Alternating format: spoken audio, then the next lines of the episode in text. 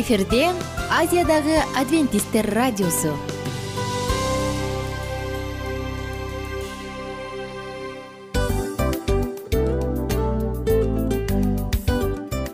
Салам достор.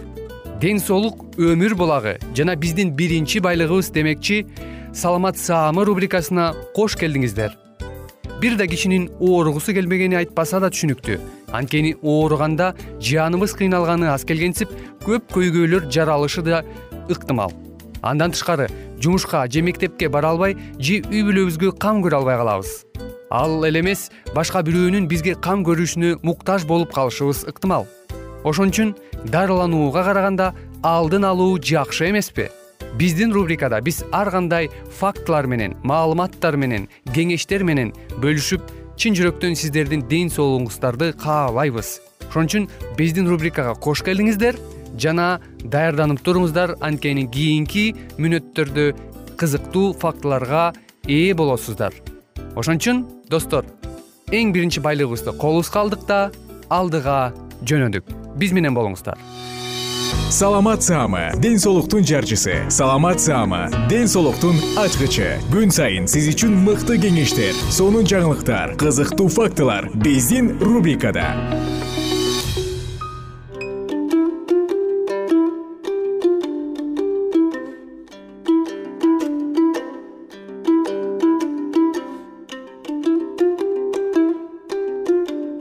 амансыздарбы кадырман сүйүктүү радио угармандар. Кайрадан сиздердин назарыңыздарда ден соолуктун ачкычтары программасы.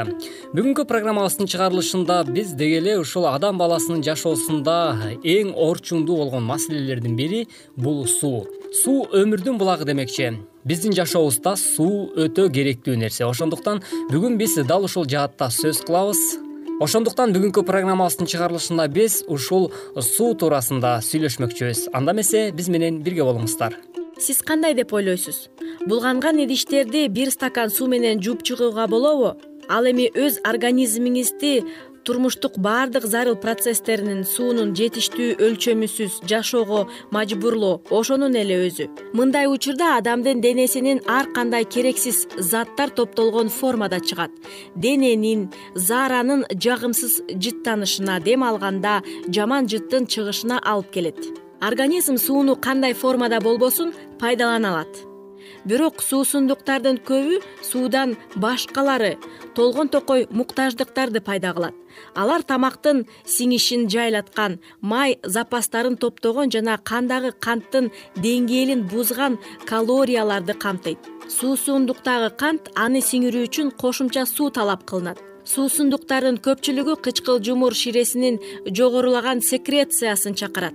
Кока кола сыяктуу суусундуктарда фосфор бар ал организмдеги кальцийдин запасын бүтүшүнө жана сөөктүн бузулушуна себеп болот. Адамдардын көпчүлүгү сууну жетишээрлик ичишпейби таң калаарлык. Бирок азыркы адамдардын көбү сууга караганда ар түрдүү суусундуктарды анын ичинде алкоголь ичимдиктерин да алда канча арбын ичишет чынында эле реалдуу турмушта көпчүлүк адамдар баягы жөнөкөй эле табигый сууну көбүрөөк ичкендин ордуна э, мисалы алкоголдук э, ичимдиктерди ошондой эле андан сырткары э, алкоголсуз дагы мисалы үчүн кока кола фанта спрайт жана башка ушуга окшогон бир канча суусундуктардын түрлөрү көп эмеспи сергек жүргөнгө энергия берген ушундай суусундуктар чыкты го.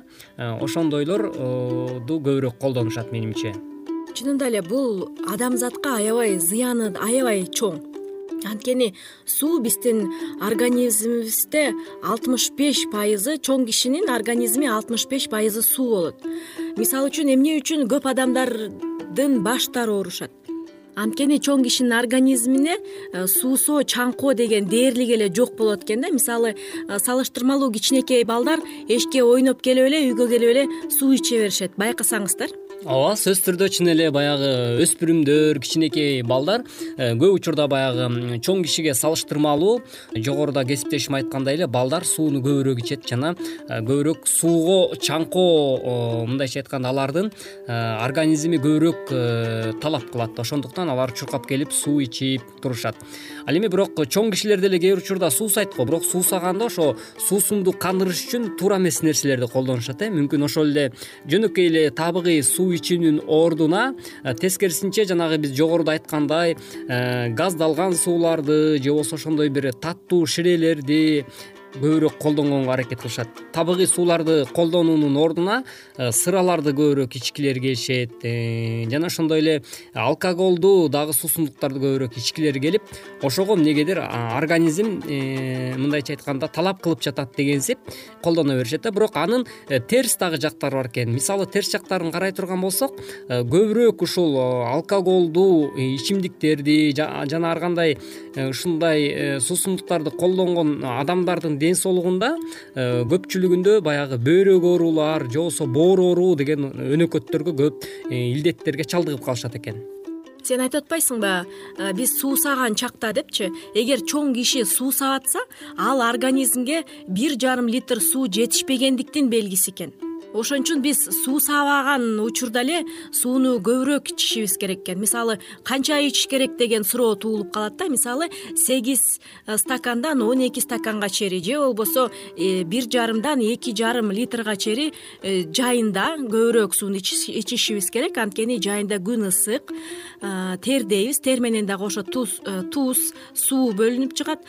Кышында болсо кичине андан азыраак суу ичишибиз керек экен. Бирок кышында дагы кээ бирөөбүз таптакыр эле суу ичпей коебуз. Бул болбойт. Э, мисалы сууну канчалык көп ичиш керек деп э, өзүбүзгө өзүбүз суроо берсек э, күнүгө суу ичип көрүңүз анан зааранын таза болуп чыгышы бул сиз нормалдуу суу ичип аткандын белгиси болот экен демек э, өзүңүзгө дагы баягы кандайдыр деңгээлде анализ жүргүзүп көрсөңүз да болот экен да. Ден соолугум канчалык деңгээлде э, өзүнүн функциясын аткарып атат анализ жүргүзүү процессинде дагы мүмкүн сууну көбүрөөк колдонуп көрсөңүз анан ошондо дагы балким тактай алат экенсиз десек болот экен да.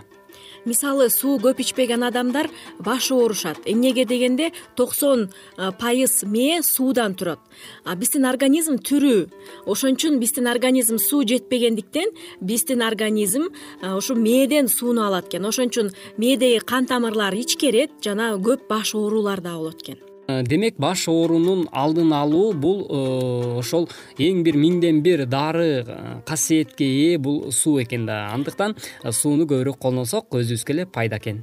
Бирок биз эң биринчиден эле ашканага барып бир чыны жылуу суу жутуп алсак ушул суу биздин организмибизди жууп тазалап жана жаңы тамак келүүгө дагы даярдап коет экен. Андыктан жакшы адат кылып алыңыз эртең менен турганда эле жылуу суу ичип андан кийин мисалы түшкү тамакка чейин дагы бир стакан суу ичиш керек андан тамактан кийин бир сааттан кийин суу ичиш керек. Андыктан билип алгыла достор. Тамакка чейин бир саатка чейин суу ичиш керек андан кийин бир сааттан кийин дагы суу ичиш керек заара туунук болгонго чейин суу ичиш керек. Дене бир күндө заара заң менен териден өпкөдөн бууланып чыккан болуп болжол менен он он эки стакан суу жоголот экен. Тамак менен биз экиден төрт стаканга чейин суу алабыз. Демек алты сегиз стакан суу менен токтоо керек. Жетишээрлик өлчөмдө суу ичүүнү өнөкөткө айландыргыла андан кийин күндүн экинчи жарымында суу ичип койгула. Бул беймал убакта тамак жегиңиз келгенин басат. Кечинде да суу ичүүнү унутпагыла демек урматтуу угармандарыбыз жогоруда биз э, программабыздын башында айтып өткөндөй эле суу өмүрдүн булагы демекчи э, суу адамзат баласынын жашоосунда эң чоң бир касиетке ээ экен. Андыктан муну дагы биз сөзсүз түрдө жашообузда көбүрөөк колдонсок анда өзүбүздүн эле ден соолугубузга пайда алып келген болот экенбиз. Демек урматтуу достор сергек жашоого умтулуп дайыма ден соолукта болуңуздар жана суудан көбүрөөк ичиңиздер дагы эч убакта оорубаңыздар деген тилек менен бүгүнкү программабызды жыйынтыктайбыз. Бизге назар салганыңыздар үчүн чоң рахмат. Кийинки программадан кезишкенче аман болуңуз. Саламат саама ден соолуктун жарчысы. Саламат саама ден соолуктун ачкычы. Күн сайын сиз үчүн мыкты кеңештер сонун жаңылыктар кызыктуу фактылар биздин рубрикада.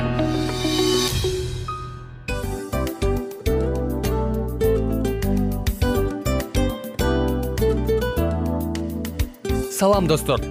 Ачуу душман акыл дос акылыңа акыл кош демекчи биздин дил маек рубрикасына кош келиңиздер. Дил маек программасында ар кандай темаларды козгойбуз. Балдарды өстүрүү аларды тарбиялоо кантип балдарды бактылуу кыла алабыз. Жана кыз жигит ортосундагы мамилелер кыз жигит ортосуна кантип нукура таза сүйүүгө жетсе болот. Бактылуу үй бүлө куруунун кеңештери ар кандай сырлары жеке өсүү жана ар кандай кызыктуу чыгармачыл программаларга арналган рубрикабызга кош келиңиздер. Эмне үчүн дил маек? Анткени дил маек эки адамдын баарлашуусу сырдашуусу. Сизди да биз менен сырдашууга чакырабыз. Анда эмесе кийинки он мүнөттүк убакытта сиздер менен чын жүрөктөн сырдашып баарлашабыз. Даяр болсоңуздар анда кеттик ар түрдүү ардактуу кесип ээлеринен. Алтын сөздөр жүрөк ачышкан сыр чачышкан сонун маек. Дил маек рубрикасында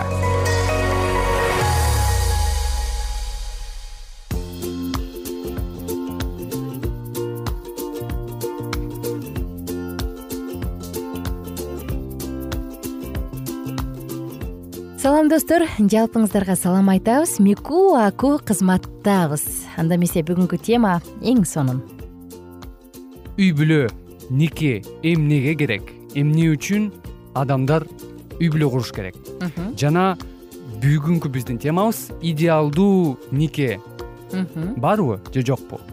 Ар бир адам никеге туруп жатып баш кошоордун алдында үйлөнөрдүн алдында менин үй бүлөм эң бактылуу болот. Менин үй бүлөм идеалдуу болот мен ушундай бир сонун үй бүлө курбасам башкалар карап отуруп тим эле ичи күйсүн деп ушундай бир максат кылат э? А бирок чын чынына келгенде идеалдуу нике барбы чындыгында көбүнчө жаш өспүрүмдөр жаштар үй бүлө куруп жатканда голливуддун тасмаларындай болуп элестетип э, кинодогудай жашайбыз деп ойлошот. Анан көбүнчө э, үй бүлө үй бүлөлүк жашоо менен жашап жатып эле бир жыл өтпөй эле такыр башкача бир Э, сүрөткө ээ болушат.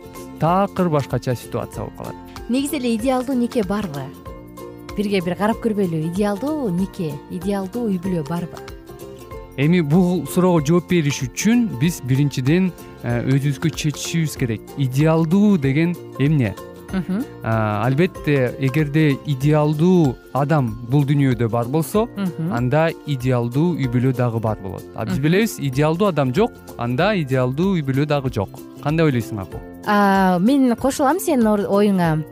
Менимче болгону гана менин үй бүлөм менин никем бактылуу болсун деп аракет жумшап өзүнчө бир эрежелерди туткан адамдар бар а бирок идеалдуу деген бул жүз пайыз жеткилең деген сөз да идеал деген сөз өзүчү. Жүз пайыз жеткилең болуш үчүн ай анда роботтор болуш керек го дейм да. Анткени эки адамдын эки башка тарбиясы эки адамдын эки башка көз карашы эки адамдын эки башка баалуулуктары мунун баардыгы биригип келгенде сөзсүз түрдө тирешүүлөр сүрүлүүлөр сүрүлүүлөр болот. Болгону эгер адам ошолор жок мен андан ары жашайм мен болгон аракетимди жумшайм мен бул адамды түшүнгүм келет деп аракет жумшай турган болсо анда бактылуу нике болот кээ бир жаш э, өспүрүмдөр айтат мен моноундай ушул үй бүлөдө бактылуу болгум келет э, мен азыр бир макалага макаланы окуп атам. Азыр анжелина джоли менен бред питтин никеси дүйнөдөгү эң кызыктуу жана популярдуу никелердин бири болгон экен. Алардын өмүрүн э, алардын жашоосун миллиондогон адамдар ушунчалык бактылуу деп ойлошкон экен. Үлгү катары үлгү катары бирок канча жыл өтпөй тилекке каршы үй бүлө ажырашып кетти алар. Ажырашып жүрүштү да эми быйыл кайра кой экөөбүздүн жолубуз бир экен деп анан кайра чечим чыгарып баш кошуп калышты э? Эми бред пит бред пит менен келгиле биздин турмушка келели биз эми. Идеалдуу үй бүлө кура алабызбы идеалдуу никени кура алабызбы ал үчүн эмне кылыш керек? Келгиле бул ушул ушул суроолорго жооп берип көрөлү бүгүнкү биздин талкуулоодо. Идеал деген сөздүн өзүн түшүнүп алып туруп же болбосо мен идеалдуу никени куруш үчүн эмнелерди күтөм? Көбүнчө адамдын жашоосунда баягы көңүл калуулар эмнеден улам келип чыгат? Ии бул мен байпагымды жууп күнүгө үйдү жыйнап эшикти ачып жылмайып тозолот экен десе бул кіси бир күнү уктап калып бир күнү көчөгө чыгып кетет турбайбы дейт дагы анан баягы адамдын күтүүсү акталбай калганда нааразычылыктар пайда болуп баштайт э? Демек никени кураардан мурун сиз эмнени күтөсүз? Мен эмнени күтөм жарымымдан? Ал менден эмнени күтөт? Ушуну аныктап алган туура экен. Негизи идеалдуу нике деп биз мындай э, бир диагноз эмес бул процесс экен. То есть бул э, бир кыймыл аракет да бул жөн эле ордунда калган бир чекит эмес бул улантыла турган бир иш аракеттер анткени идеалдуу үй бүлөнү биз шыр эле шыр эле заматта бир боло албайбыз. Ага жеткилең болуп аракет кылып кадам таштап күн сайын кыймылдап ошол жерге жеткенде гана биз идеалдуу үй бүлө куруй алабыз. Албетте идеалдуу десе эле биз эч качан урушпаган эч качан таарынышпаган эч кандай кыйынчылыксыз муктаждыксыз жашаган үй бүлө деп ойлобошубуз керек. Идеалдуу үй бүлө деп бул бири бирин түшүнө турган идеалдуулукка аракет кыла турган кыйынчылыктарды чогуу кесе турган бири бирин көтөрө турган э, үй бүлөнү бул идеалдуу үй бүлө деп атасак болот. Алар биздин коомдо биздин арабызда жашайбы? Алар барбы? Албетте бар. Мен ишенем жана мен көрүп турам. Анткени андай үй бүлөлөр биздин мамлекетибизди чыңдайт. Биз билебиз эгерде үй бүлө бактылуу болсо коом бактылуу болот. Эгерде үй бүлө биримдиктүү болсо коом биримдиктүү болот. Эгерде үй бүлөдө ыйман сүйүү жана жоопкерчилик болсо анда биздин мамлекет дагы биздин жаңы муун дагы ошондой болот. Ошон үчүн идеалдуу нике бар жана биз ага аракет кылышыбыз керек деп айтам сонун айта кетпедимби бул процесс депчи дал ушул үй бүлөлүк процессте үй бүлөлүк жашоодо эмнелерди эске алыш керек? Анда үйдө кандай эреже кандай аракеттер болуш керек? Бул албетте бир эле тараптан эмес эки тараптан тең жумшалат э? Ооба көңүлүңүз калып баратканда бир психологдордун айтуусу боюнча карай кетели же болбосо мамиле сууп баратканын сезгенде анда ал адамдагы жакшы жактарын издеңиз дейт. Отуруп алып кандай жакшы жактары бар? Эмне үчүн ал адамды жакшы көрүп калдыңыз эле? Бул нерсени издеңиз дейт. Бул мамилени бекемдегенге аракет кылат. Бакыт тапканга аракет кылыңыз дейт элестетиңиз. Бул адам менен кандай сонун көзөрмөмдөрдү өткөрдүңүз? Деги эле азыркы учурга жеткенчекти эмнени кандай гана аракеттер жумшаган жоксуңар бакыт бактылуу көзөрмөмдөрдү издеңиз дейт. Анан эң эле негизгиси кечиримге үйрөнүңүз дешет. Эгерде үйдө эки адамдын орто эки адамда кечирүү күчтүүлүгү жок болсо анда ал үй бүлө эч качан бекем болбойт. Мен дагы бир мындай ой уктум эле. Э, үй бүлөлүк жашоодо аял менен күйөөсү дипломаттар болушу керек. Бири бири менен мамлекет курганда сүйлөшкөндө баягы дипломаттар эч качан бетке чаап э, катуу сүйлөп өзү каалагандай кылышпайт. Алар сөзсүз түрдө урматтоо менен э? жеткиликтүү мындай түшүндүрүп өзүңдүн позицияңды айтып жана башка бирөөнү сөзсүз угуп бири бирине баягы элүү пайыз сага элүү пайыз мага деген э, ой менен бири бирине жардам бере алат. Ошон үчүн бул канчалык күлкүлүү угулбасын бирок чындыгында аял күйөөсү жолдош экөө э, дипломаттар болуш керек. Дипломатиялык мамилелер болуш керек. Туптуура тарс турс этип керек эмес ашыкча сөздөрдү айтып алсаң э анда жүрөктү муздап башташы мүмкүн. Ооба анан баардык нерсе өзүңдөн башталат дейт барнет брикер бул бул мырзанын айтканына абдан кошулам анткени өзгөрүү өзүң тараптан башталбаса экинчи адамды өзгөртөм дегениң туура эмес негизи эле үй бүлөдө баягы башка бирөөнү өзгөртөм деп жашаган адамдар эч качан бактылуу болушпайт. Алар дайыма урушуп таарынышып бактысыз болуп жашап нааразы болуп келишет. ошон үчүн эч качан мен өзгөртөм аны деп эмес мен өзүм өзгөрүлүшүм керек деп жашашыбыз керек анан нике дейт бул биринчи орунда турат. Эгерде эки адамдын жашоосунда тең нике биринчи орунда турбаса анын ордуна ата энеси же башка бирөөлөр турса анда бул чоң көйгөй алып келет дейт.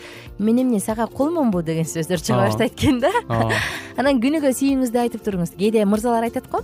Э мен сени сен менин сүйөрүмдү билесиң да эмнеге айта бермек элем? И так эле билип турбайсыңбы? депчи. Аял заты болсо анын айтышын каалайт экен. А бирок экөө тарап тең сүйгөнүн күнүгө айтып турганы жакшы анан эмнеңер болсо ошону барктагыла дейт ошону кармагыла дейт. Бул материалдык жакпы мамиледеги жетишкендикпи ошонун баардыгын тең кармаш керек экен. Идеалдуу үй бүлө бул үйдө өсүп жаткан татынакай гүл дейт.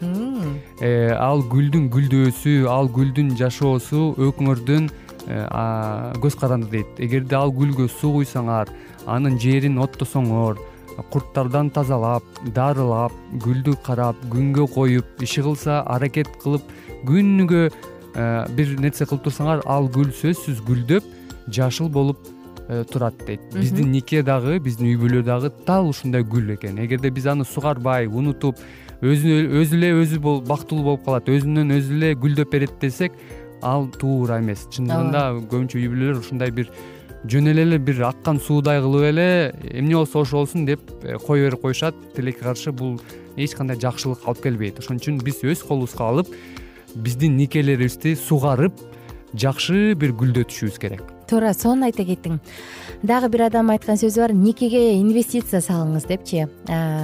Эгерде болгон эң эле баалуу нерсеңизди эң эле сонун кыялыңызды эң эле жакшы мамилеңизди сиз күткөн нерсенин баарын никеге сала турган болсоң анда бул мамилени сөзсүз бекемдейт деп достор бүгүн сиздер менен идеалдуу жашоо идеалдуу нике болобу же болбойбу? Мына ушул жөнүндө сөз кылдык. Албетте э, дароо эле идеалдуу нике курулуш керек деп.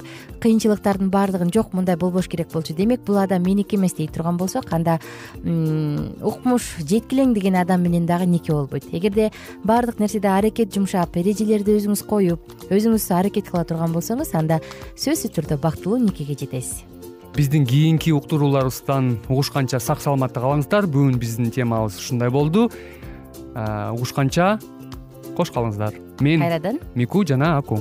Кайрадан саламдашканча. Ар түрдүү ардактуу кесип ээлеринен алтын сөздөр жүрөк ачышкан сыр чачышкан сонун маек дил маек рубрикасында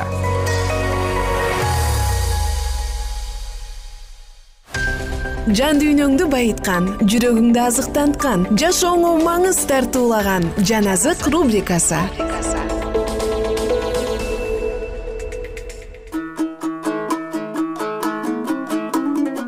Саламатсыздарбы ардактуу угармандар сиздер менен улуу күрөш китебин улантабыз.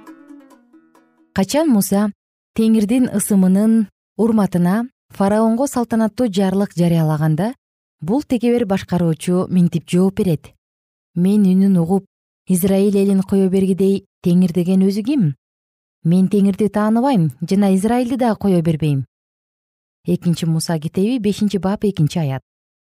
Бул дин безерлик. Жана египеттеги символдонгон калк дагы ушул сыяктанып тирүү кудайдан баш тартышмак жана ошол эле баш ийбестик көргөзгөн ишенбестиктин рухун көргөзүшмөк. Улуу шаар дагы руханий түшүнүктө садомду билдирет садомдун бузулгандыгы кудай мыйзамын бузгандыгы жийиркенээрлик түрдө өзгөчө көрүнгөн. Бул жазуудагы пайгамбарлык кылынган адамдардын чыныгы сапаты ушол сыяктуу жийиркенээрлик болмок. Пайгамбардын айтуусу боюнча бир миң жети жүз токсон сегизинчи жылга жетпей шайтан жетектеген жана анын мүнөз сапатына ээ болгон бийлик мукадаска карата каршылык кылуучу согуш чыгармак. Жана ушул кудайдын эки күбөсүнүн үнү басылган мамлекетте фараондун капырлыгы жана садомдун бузукулугу басып алат. Ушул пайгамбарлык сөздөр франция тарыхында таң каларлык тактыгы менен ордунан чыккан. Революция мезгилинде бир миң жети жүз токсон үчүнчү жылы дүйнө элдери биринчи жолу европа мамлекеттеринин ичиндеги маданияттуу болуп эсептелген ушул мамлекеттин адамдары бир добуштан кудайга ишенүүдөн жана ага кызмат кылуудан баш тарткандыгын угушкан. Франция чыныгы далилдер боюнча ааламдардын жаратуучусуна ачык эле каршы чыккан жалгыз мамлекет болуп эсептелет. Англияда германияда испанияда көп сандаган капыр кудайга карат келтирген адамдар болгон жана да бар. Франция өзүнүн мыйзам чыгаруучу чогулушунда кудай жок деген атайын буйрук чыгарышкан жана бул чечимдин кабыл алынгандыгына кубанышып мамлекеттин көпчүлүк адамдары бийлешип ырдашкан садомдун өзгөчө айырмаланган сапаттары толугу менен францияда көрүнгөн. Революция учурунда ал жерде дагы өзгөрүлбөгөн бузукулуктар болгон. Ушул жамандыктар бир кезде садомдун кырашын алып келген болчу. Тарыхчы францияда болгон динсиздикти жана адеп ахлактын абалы жөнүндө пайгамбарлык айткандай кылып жазат динге байланыштуу мыйзам менен бирге үйлөнүү кеңеши туурасындагы жаңы мыйзам пайда болду жер үстүндөгү эң эле ыйык түйүн болуп эсептелген ушул үлпөт жөн гана убактылуу байланыш түзгөн сыяктанды. Жубайлардын кичине гана каалоосу боюнча эч кандай тоскоолдуксуз ажырашуулар көп болгон. Эгерде шайтандын шабырлары жер үстүндөгү ыйык нерселерди жок кылыш үчүн бир нерсе ойлонуп тапкылары келе турган болсо жана жакшылыкты түбөлүктүү нерселерди жок кылып жамандык укумдан тукумга тарылсын үчүн мындан артык эч нерсе ойлоп таба алмак эмес. Актриса софи арна өз акылдуулугу менен таанымал болгон жана граждандык нике туурасында жашыруун ойноштук деген. Кай жерде жана биздин куткаруучу кагылган. Францияда пайгамбарчылыктын ушул бөлүгү дагы аткарылды ушул мамлекет сыяктуу эч жерде машаякка каршы душмандык көрүнгөн дагы эмес. Бир дагы өлкөдө ушул мамлекеттегидей зөөкүрдүк менен куугунтукталган жок. Франция анын шакирттеринин бейнесинде машаякты кайра кайра керишкен жана аларды чектен тыш каардуулук менен аңдышкан. Адилеттүүлөрдүн каны бир канча жүздөгөн жылдар төгүлүп турду. Валдыналыктар пьемонта тоолорунда кудай сөзү жана ыйса машаяктын күбөлүгү үчүн өз өмүрлөрүн беришкенде алардын бир туугандары франциялык альбегойлор ушул сыяктуу эле күбөлүктү алып жүрүшкөн.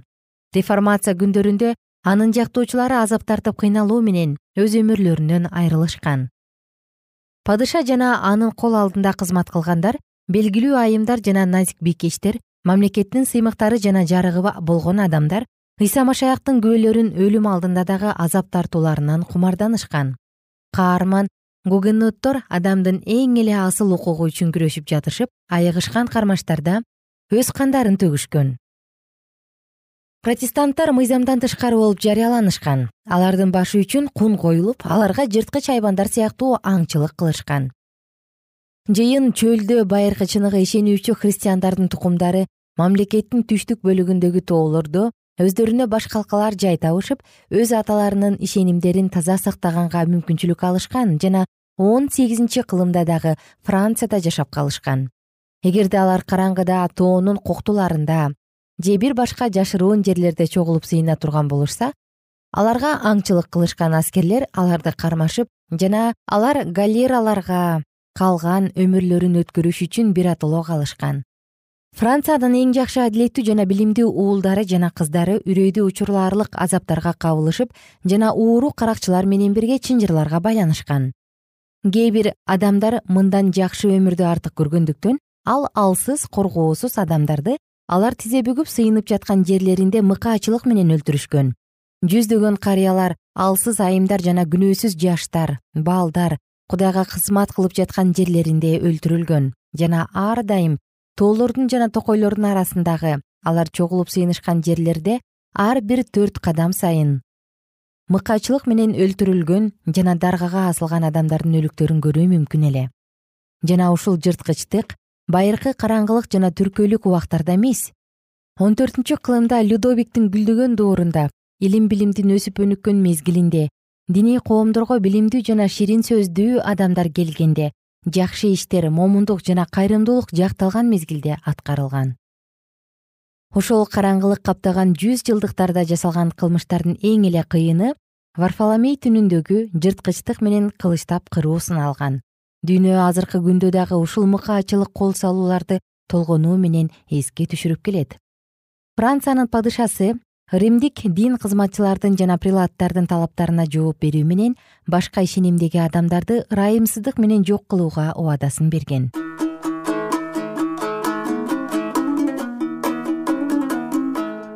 ардактуу угармандар окуянын уландысын кийинки уктурууда угасыздар. Бул эмне болгон окуя эмне болгон түн болгон жана кандайча аяктаган? Сиздерди кийинки уктуруудан кайрадан күтөбүз амандашканча сак саламатта туруңуздар.